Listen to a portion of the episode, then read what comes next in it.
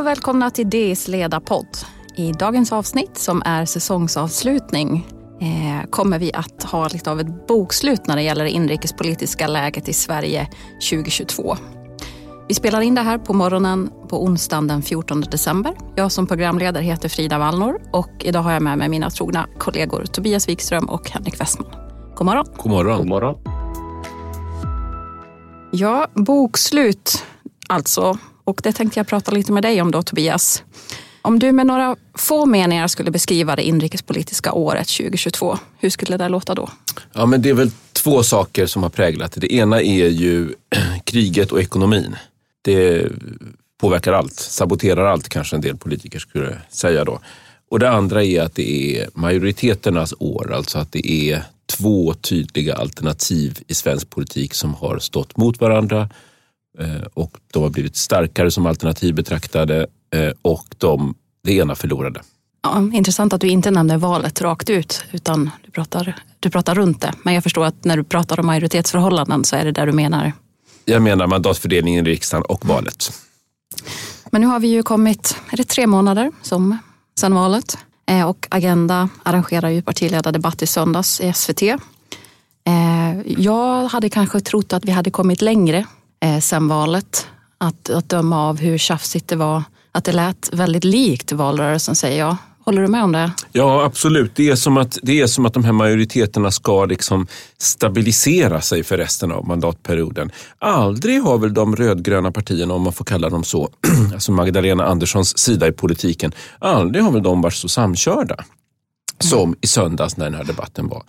Annie Lööf protesterade mot resten av gänget när det gällde indexering av skatter eller hur det nu var. Men i övrigt så var det ju pang på hela tiden mot regeringen som, som eh, man talade om ansvar och att regeringen inte tar ansvar och så vidare. Det är naturligtvis oppositionens uppgift, givetvis. Mm. Men de var så samkörda i detta så de är mer eniga om vad de är emot än vad jag skulle tänka mig att de är eniga om vad de är för. Det behöver de liksom inte vara nu på samma sätt i Nej. Du nämnde där både kriget och det ekonomiska läget. Man hade ju möjligen kunnat förväntat sig med tanke på allvaret i situationen nu i Sverige att det skulle vara lite mer statsmannamässighet över en sån här typ av debatt. Jag tycker det var väldigt mycket förvanskningar, man liksom medvetet misstolkar varann. Men är det det här det nya normala, att, att det är den här nivån? Nej, men det får vi ju hoppas att det inte är. Mm. men regeringen har ju fått en dålig start med ekonomin. Och de har gjort sig en dålig start också genom att, de, eh, genom att, de, att flera av de vinnande partierna hade så precisa och exakta vallöften mm. om sånt som är viktigt för människor. Alltså ehm, eh, el, elpriser, bränsle och så vidare. Och det som är lite orättvist eh, som som jag tror att Patrik Kronqvist i Expressen eh, påpekade i en text eh, nu här idag Eh, Eh, är att ja, men hade Magdalena Anderssons sida vunnit valet, de hade ju haft motsvarande bekymmer med vad de lovade. De hade ju inte heller lyckats leva upp till det. Men det är oppositionens privilegium att hamra på regeringen i de här frågorna. Mm. Den enda som, som försökte att framstå som lite vuxen i rummet var ju hon som gjorde sin sista partiledardebatt, Annie Lööf. Eh, hon, det kändes ju lite som att hon såg ner på de övriga, lite på ett tvivelaktigt sätt. Så gick ju väldigt hårt åt Jimmy Åkesson, mm. som vanligt får man ju säga på den punkten. Men nu ska hon avgå i februari. Gör hon det inte lite svårt nu för sin efterträdare att hon väldigt tydligt liksom pekar ut riktningen här framöver, att jo. det är fortsatt kurs? Jo, jo, alltså hon har ju flyttat Centerpartiet 180 grader i regeringsfrågan men också i en hel, an, hel del andra profilfrågor. Och många av dem som så att säga stödde den tidigare linjen är borta ur partiet. Mm. Hon gör det svårt därför att hon eh, har inte tagit ett steg tillbaka utan låser fast efterträdaren. Kanske låser hon fast vem det måste bli som blir efterträdaren. Men oavsett vem det blir så är ju den personen kommer ju få jobba en del med med att så att säga distansera sig från henne som person eller visa att man är en annan person. Mm. Och man kanske vill annat med partiet. Jag såg till exempel att Elisabeth Thand Ringqvist, eh, en av de tre kandidaterna, hon uttalade sig i eh, förra veckan tror jag, eh, eller möjligen i helgen, där hon sa att Centerpartiet har inte förnyats på 12 år. Och vad jag har hört så är hon den enda av de tre kandidaterna som har, som har så att säga sagt någonting som kan tydas på att man vill, vill byta kurs eller att man vill justera någonting i det hela. Mm. Men som de här majoritetsförhållandena som du var inne på tidigare så spelar det ju egentligen ingen roll vad Centerpartiet gör i närtid. Eller nej, hur? Nej, jag tror att allting handlar om hur man vill, om man vill händelsevis profilera sig mer som eget parti inför 2026 eller om man vill hitta sin egen roll men tydligt i Magdalena Anderssons eller Socialdemokraternas eh, del av politiken. Men det är ju så att, att det ironiska är ju att Centerpartiet hade ju kunnat få en framstående position om de hade, det hängde ju bara på två mandat i valet. Eh, så att det, det är ju verkligen så att eh, trots att de, gick, de hade ju fått det även om de hade gått tillbaka som parti, vilket de ju gjorde. Så att det här kan ju mycket väl hända 2026, att det blir de här fyra, typ de här fyra partierna som vinner valet. Så att man måste ju förbereda sig på det. Jag menar, det, det är nog svårt för dem att ändra sig tillbaka och stödja eh, stödja en eh, borgerlig eh, lösning som kommer att vara beroende av Sverigedemokraterna. Mm. Där, där, tror inte jag det finns någon väg tillbaka för, okay. för eh, Centerpartiet. Och ingen av de här uttalade kritikerna som till exempel riksdagsledamoten Helena Lindahl från Västerbotten kom ju med som en av de tre partiledarkandidaterna. Mm. Det där var ju lite toppstyrt får jag säga. Plötsligt finns det tre kandidater. Och vad hände med de andra? Ja. Så vem tror du av dem vinner? Ja, men det jag har hört är, är ändå att det är Muharrem Demirok eh, som, som ligger bäst till. Eh, men, eh, och att han eh, har tydligen då politikeregenskaper som, som folk gillar. Eh, Daniel Bäckström eh, gjorde bort sig med att han inte kunde säga om han, kunde, om han hade vigselrätt, om man kunde tänka sig att viga samkönade mm. par. Eh, och Elisabeth Tandringqvists läger har ju fått lite skäll därför att de, de då kanske ansågs ligga bakom den här fällan då som Daniel Bäckström lurades in i, i, i den där utfrågningen. Men det är svårt med de här partiinterna grejerna eh, att, att förstå vad det är som egentligen sker. Men, men det jag har hört är att Murre, som han kallas, mm. skulle, kunna, skulle kunna ta hem det här. Mm. Men det du säger då är att det inte blir några förändringar vad gäller Centerpartiet fram till nästa val. Men, In, inte i regeringsfrågan nej. i alla fall. Men är det några andra intressanta partirörelser du tycker man ska spana efter? Är det Liberalerna som fortfarande är intressant eller vilka, vad, vad är det du spanar på framöver? Ja, alltså, jag tror att man ska eh, att det är lätt att man tittar för mycket på de små partierna. Vi är överintresserade av dem. De är, liksom lite, lätt, de är lite flaxigare så då är det lättare att följa med i svängarna. Det är lite roligare att eh, titta på vad som, vad som sker hos dem. För det kan vara lite mer vildsint där så att säga. Men man måste titta på vad som händer med Sverigedemokraterna. Eh, alltså de tre stora partierna. Sverigedemokraterna, kommer de att fortsätta sin resa mot att inordna sig i vad ska vi säga, en etablerad borgerlig ekonomisk politik. Hur kommer de att hantera den här frågan om pensionerna till exempel? Ska de fortsätta vara rebelliska där? Eller kommer, mm. de, kommer de att gå in på den normala borgerliga linjen att det måste löna sig att ha arbetat och man kan inte höja garantipensionerna som ju typiskt sett går till de som har arbetat mindre. Eh, mm. Och inom Moderaterna så finns det ju också många intressanta eh, saker som händer. På lokal nivå så har ju Moderaterna samarbetat mycket med, med Sverige, eh, Socialdemokraterna mm. menar jag förstås. Mm. Eh, och är det, är det en rörelse som kommer att bli starkare så att säga? Och Socialdemokraterna är ju alltid intressanta att, att se på. Kommer, kommer eh, man att radikaliseras mer eh, så att säga för att, för att bättre klara den här vänster vänsterrollen så att säga eller kommer att vara den här statsmannalinjen som Magdalena Andersson står för. som kommer att eh, som kommer att prägla politiken framöver, det vill säga hennes utsträckta hand till, mm. eh, till Ulf Kristersson att jag gör det som är bäst för Sverige.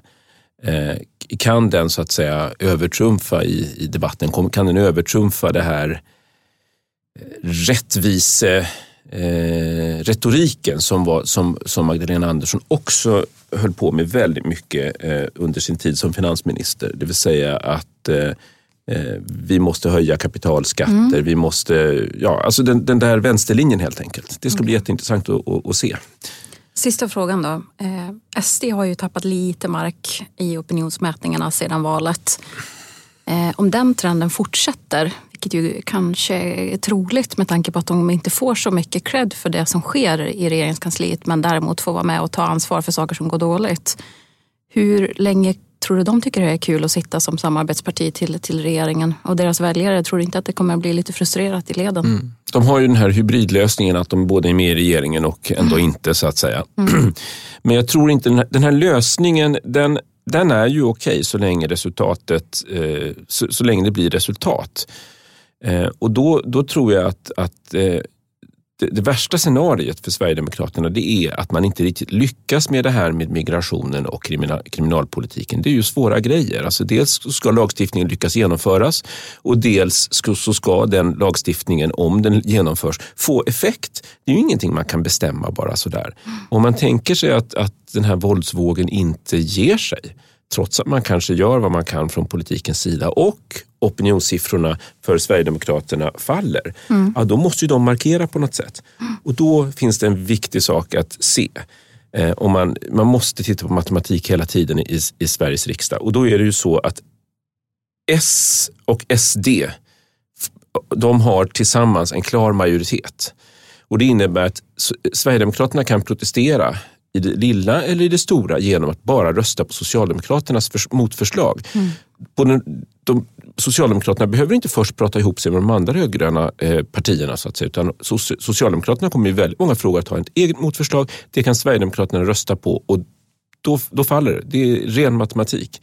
Mm. Eh, och eh, Det är för övrigt så från Socialdemokraternas sida att de har också majoritet tillsammans med Moderaterna, 175 mandat.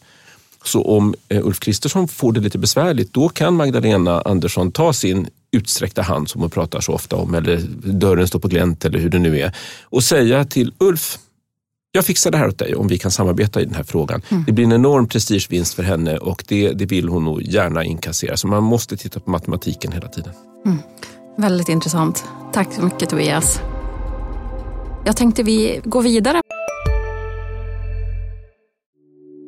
Hej, Ulf Kristersson här. På många sätt är det en mörk tid vi lever i. Men nu tar vi ett stort steg för att göra Sverige till en tryggare och säkrare plats. Sverige är nu medlem i Nato.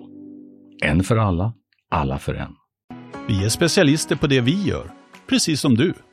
Därför försäkrar vi på Swedea bara småföretag, som ditt. För oss är små företag alltid större än stora och vår företagsförsäkring anpassar sig helt efter firmans förutsättningar.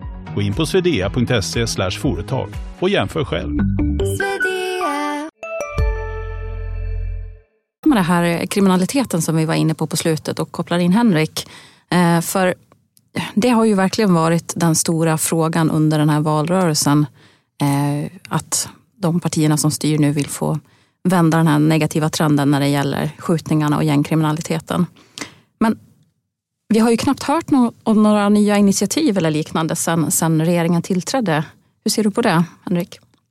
Eh, jag tror det är eh, listig taktik från eh, Gunnar Strömmer och Ulf Kristersson. Det är ju väldigt farligt tror jag att gå ut och lova för mycket kring kriminaliteten. Som Tobias var inne på, ehm, det är ju ingenting idag som tyder på att våldet eh, håller på att mattas av. Tvärtom, vi går ju mot ett nytt rekord vad gäller dödsskjutningar. Eh, och att då gå ut och säga att nu ska den här utvecklingen eh, vändas, det är man nog väldigt eh, försiktig med. Eh, man vet förstås att, att väljarna vill se snabba resultat, men eh, samtidigt så vet man att den typen av snabba resultat kan inte åstadkommas. Mm. Men det var ju väldigt högt tonläge i valrörelsen. Tror du inte att, att väljarna ändå förväntar sig att det ska komma någon form av utspel i alla fall? Att nu vill man göra det här, nu vill man göra det här. Även om jo. alla som är insatta i politiska processer vet att saker och ting måste utredas. Men jag tänker bara för att hålla väljarkåren lite lugn. Ja, jo men det, det det tror jag kanske att det kommer göra, men man kommer samtidigt vara väldigt försiktig. Och jag, och jag tycker det finns en, en, tydlig parallell här till, eh, till energin. Det är också någonting som väljarna vill se en lösning på, men som det heller inte finns eh, någon, någon, någon quick fix på. Eh, mm. så Eh, ja, går man ut och, och, och, och, säger någonting mer än det Gunnar Strömmer har sagt och blir väldigt konkret, ja då kommer man behöva så att säga leva upp till det och man kommer skärskådas eh, för det också. Så att det är ju, eh, det är ju en balansgång, en mycket svår balansgång skulle jag säga. Mm. Det är en, en ödesfråga för, för regeringen. Dessvärre så handlar ju polisdebatten just nu om skandalerna, härvan kring polischeferna Linda Staff och Mats Löving. Eh, hur allvarlig är den egentligen? Eh, ja, men den är allvarlig för den är ju ett tecken på att allting inte står rätt till i den myndighet som ska gå främst eh, i brottsbekämpningen. Eh, på kort sikt så är ju härvan allvarlig på det sättet att den, den tar fokus, den tar resurser i anspråk som den högsta polisledningen eh, skulle behöva lägga på brottsbekämpningen. Mm. Ja, det blir ju intressant att se om rikspolischef Anders Thornberg kommer att sitta kvar efter det här ens? Det kommer bli väldigt intressant att se. Och, eh, jag, tänkte på Ulf Kristerssons uttalanden där han sa att ehm, man har förtroende för någon till dess man inte har förtroende för någon. Och det är ju ett, eh, ett, ett klassiskt svar som man kanske tar till när man har redan börjat fundera på att byta ut personer. Och det är väl inte helt orimligt eh, att tänka sig att en ny regering vill ha en ny eh, rikspolischef. Och ska man vara ärlig så, så är ju polisen en myndighet som i stort sett har fått allting som den har pekat på eh, de gångna åren. Budgeten har ökat enormt. De har blivit fler anställda.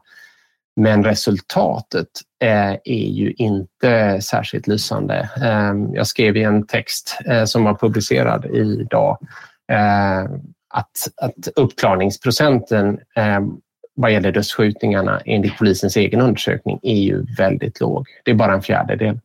Du var inne på det här med, med elen, att det finns paralleller här. Att det, det är mycket snack om vad som har varit och inte så mycket prat om vad som, vad som ska göras för att lösa situationen.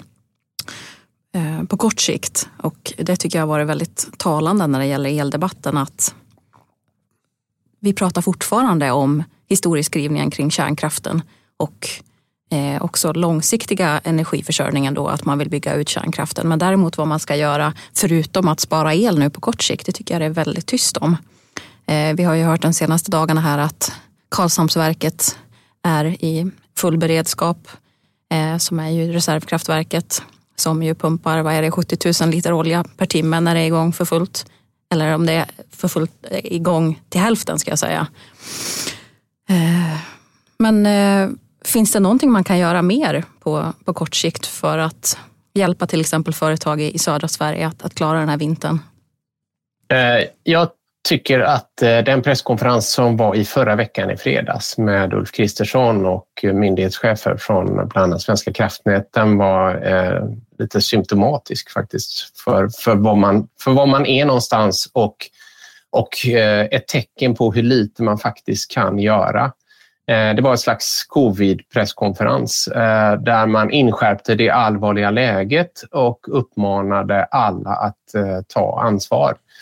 Eh, och på kort sikt så tror jag inte att det är så mycket man kan göra. Eh, ledtiderna, precis som med kriminaliteten, är oerhört långa när det kommer till energi.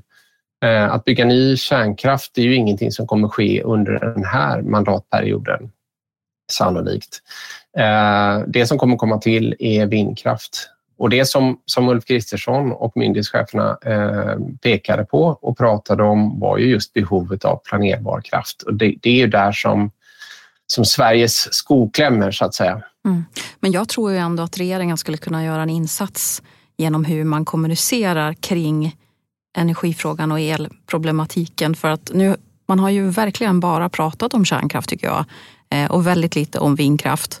Ehm, och jag tycker det är ett problem för att det sänder ut en signal om att man inte tycker att det är lika viktigt med vindkraft. Eh, Verkligen. Och, Verkligen. och det ligger ju ett antal ansökningar på regeringens bord som har att göra med havsbaserad vindkraft, där det, där det är regeringen som, som avgör. Eh, och de skulle man ju faktiskt genom att godkänna eller i alla fall behandla, skulle man i alla fall kunna skicka ut en signal om att man, man tar det här på allvar, att man förstår att alla kraftslag behövs. Det är det ena. Det andra som, som en hel rad näringslivschefer har pratat om på sistone är just behovet av en bred uppgörelse när det gäller energipolitiken. Ehm, det tror jag också skulle kunna skicka ut en signal om att den här nya regeringen den tar verkligen den här frågan på allvar.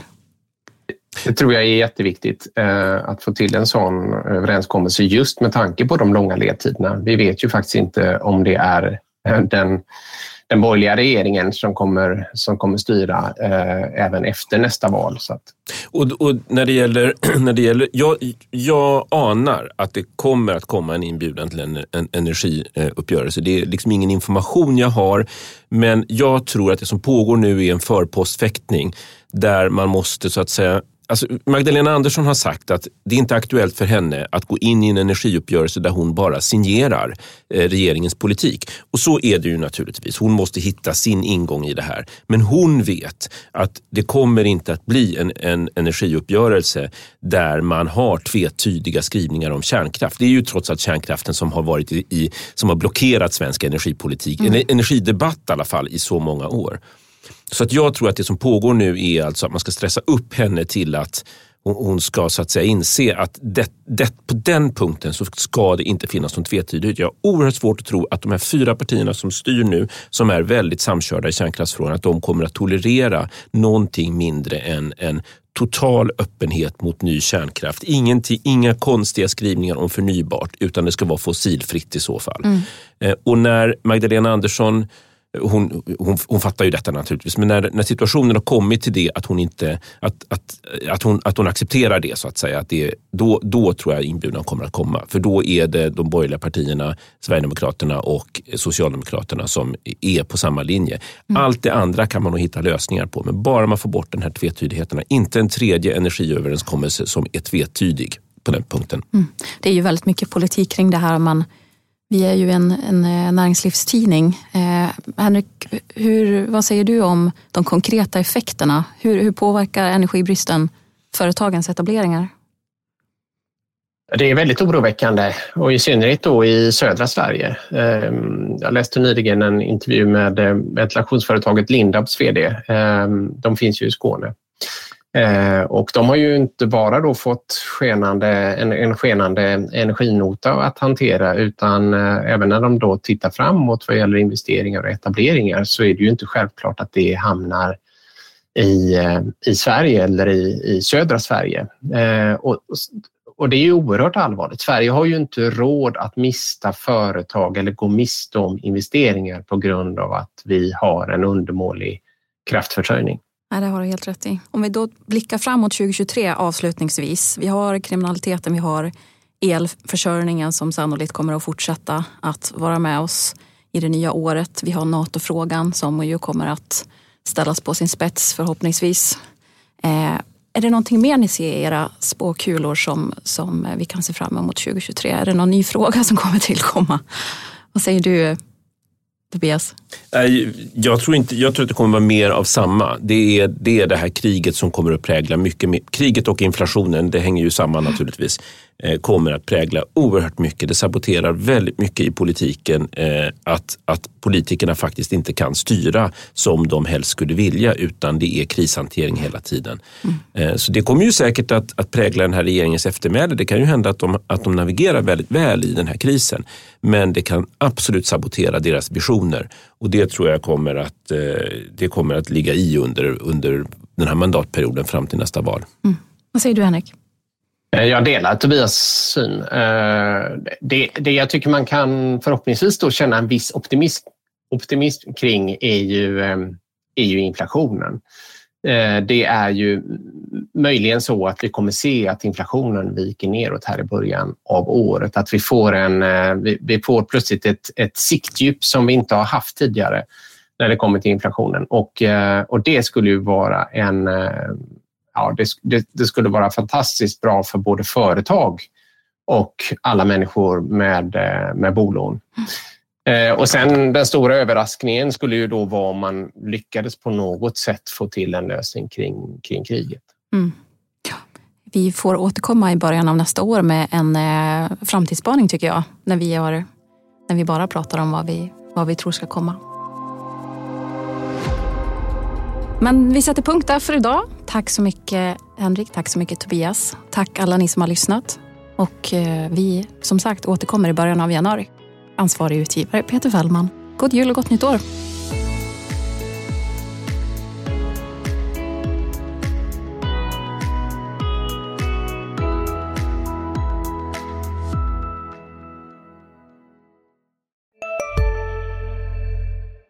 Där det finns ett samhälle, där finns det brott.